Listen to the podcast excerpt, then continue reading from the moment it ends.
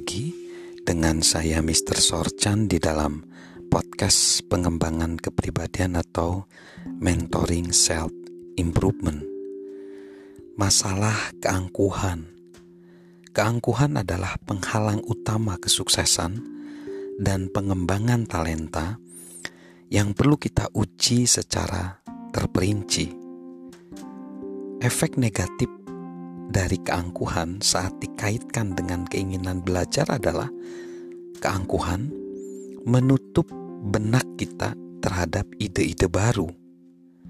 Saya belum pernah menemukan sosok congkak, sombong, dan tinggi hati yang memiliki semangat ingin belajar. Bagaimana dengan kita semua? Penulis dari kitab Proverb The King Salomon menulis, "Apa Anda melihat orang yang menganggap dirinya bijak? Harapan bagi orang bebal lebih banyak daripada orang itu." Keinginan belajar dalam bentuk yang paling dasar adalah bersedia terbuka pada ide-ide baru. Keangkuhan mencegah kita melakukannya. Lalu yang kedua, keangkuhan menutup benak kita terhadap umpan balik. Stephen Covey berkomentar, kerendahan hati diperlukan untuk mencari umpan balik. Kearifan diperlukan untuk memahaminya, menganalisisnya, dan bertindak dengan tepat.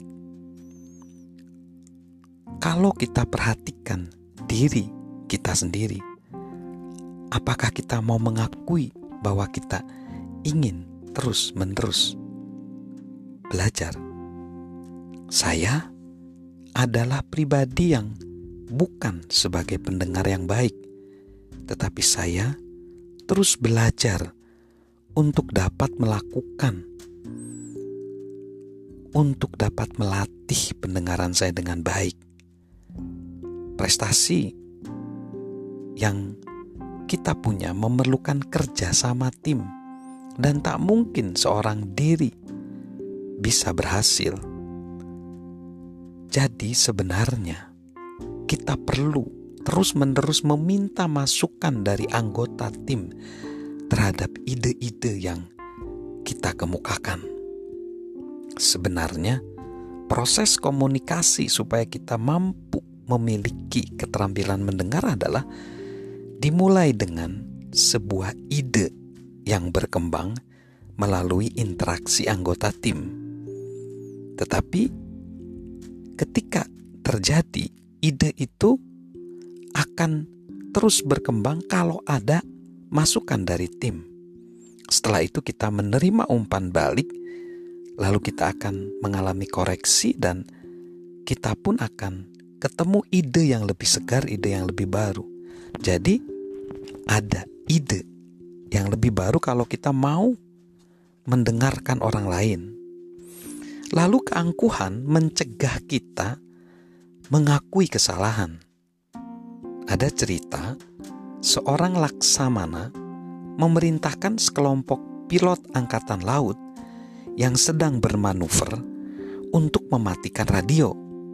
Namun, seorang pilot muda justru keliru menyalakan radio dan terdengar bergumam, "Astaga, saya kacau nih." Ketika mendengarnya, sang laksamana merenggut mikrofon dari operator radio dan membentak. Pilot yang berbicara saat radio mati harap menyaut segera. Setelah hening agak lama, suara di radio terdengar berkata, "Saya mungkin kacau, tapi saya tidak sekacau itu. Ketakutan mungkin menyebabkan segelintir orang enggan mengakui kesalahannya, tetapi keangkuhan pun kerap menjadi penyebabnya. Persoalannya, salah satu cara kita bertumbuh yaitu mengakui kesalahan dan belajar dari kesalahan tersebut. Penulis William Bolito mengamati hal terpenting dalam kehidupan bukanlah memaksimalkan keuntungan kita. Orang dungu pun mampu melakukannya. Hal terpenting adalah memperoleh keuntungan dari kerugian kita. Itu memerlukan kecerdasan dan membedakan antara orang cerdas dengan orang dungu.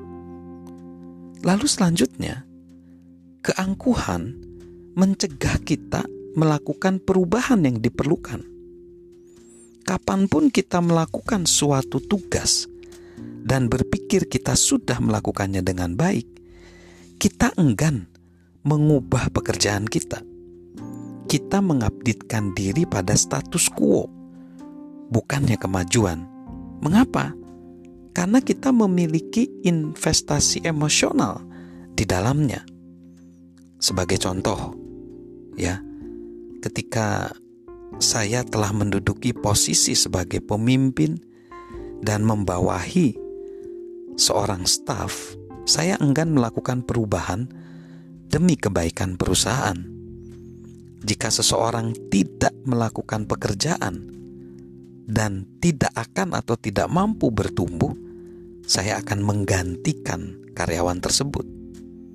Namun, jika seseorang yang saya pilih itu akhirnya gagal, saya justru jauh lebih lambat melakukan perubahan yang diperlukan. Keangkuhan menyebabkan saya terkadang mempertahankan hal yang seharusnya tidak perlu ditahan, dipertahankan. Ketika berhubungan dengan mengubah orang lain, kita ingin melakukannya segera tetapi mengubah diri sendiri tidak secepat itu. Itulah masalahnya. Keangkuhan kita.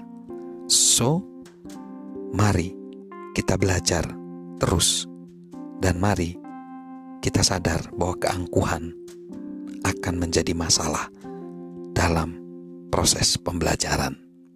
Salam untuk terus belajar karena itu mengembangkan talenta mengembangkan hidup kita dari saya, Mr. Sorjan.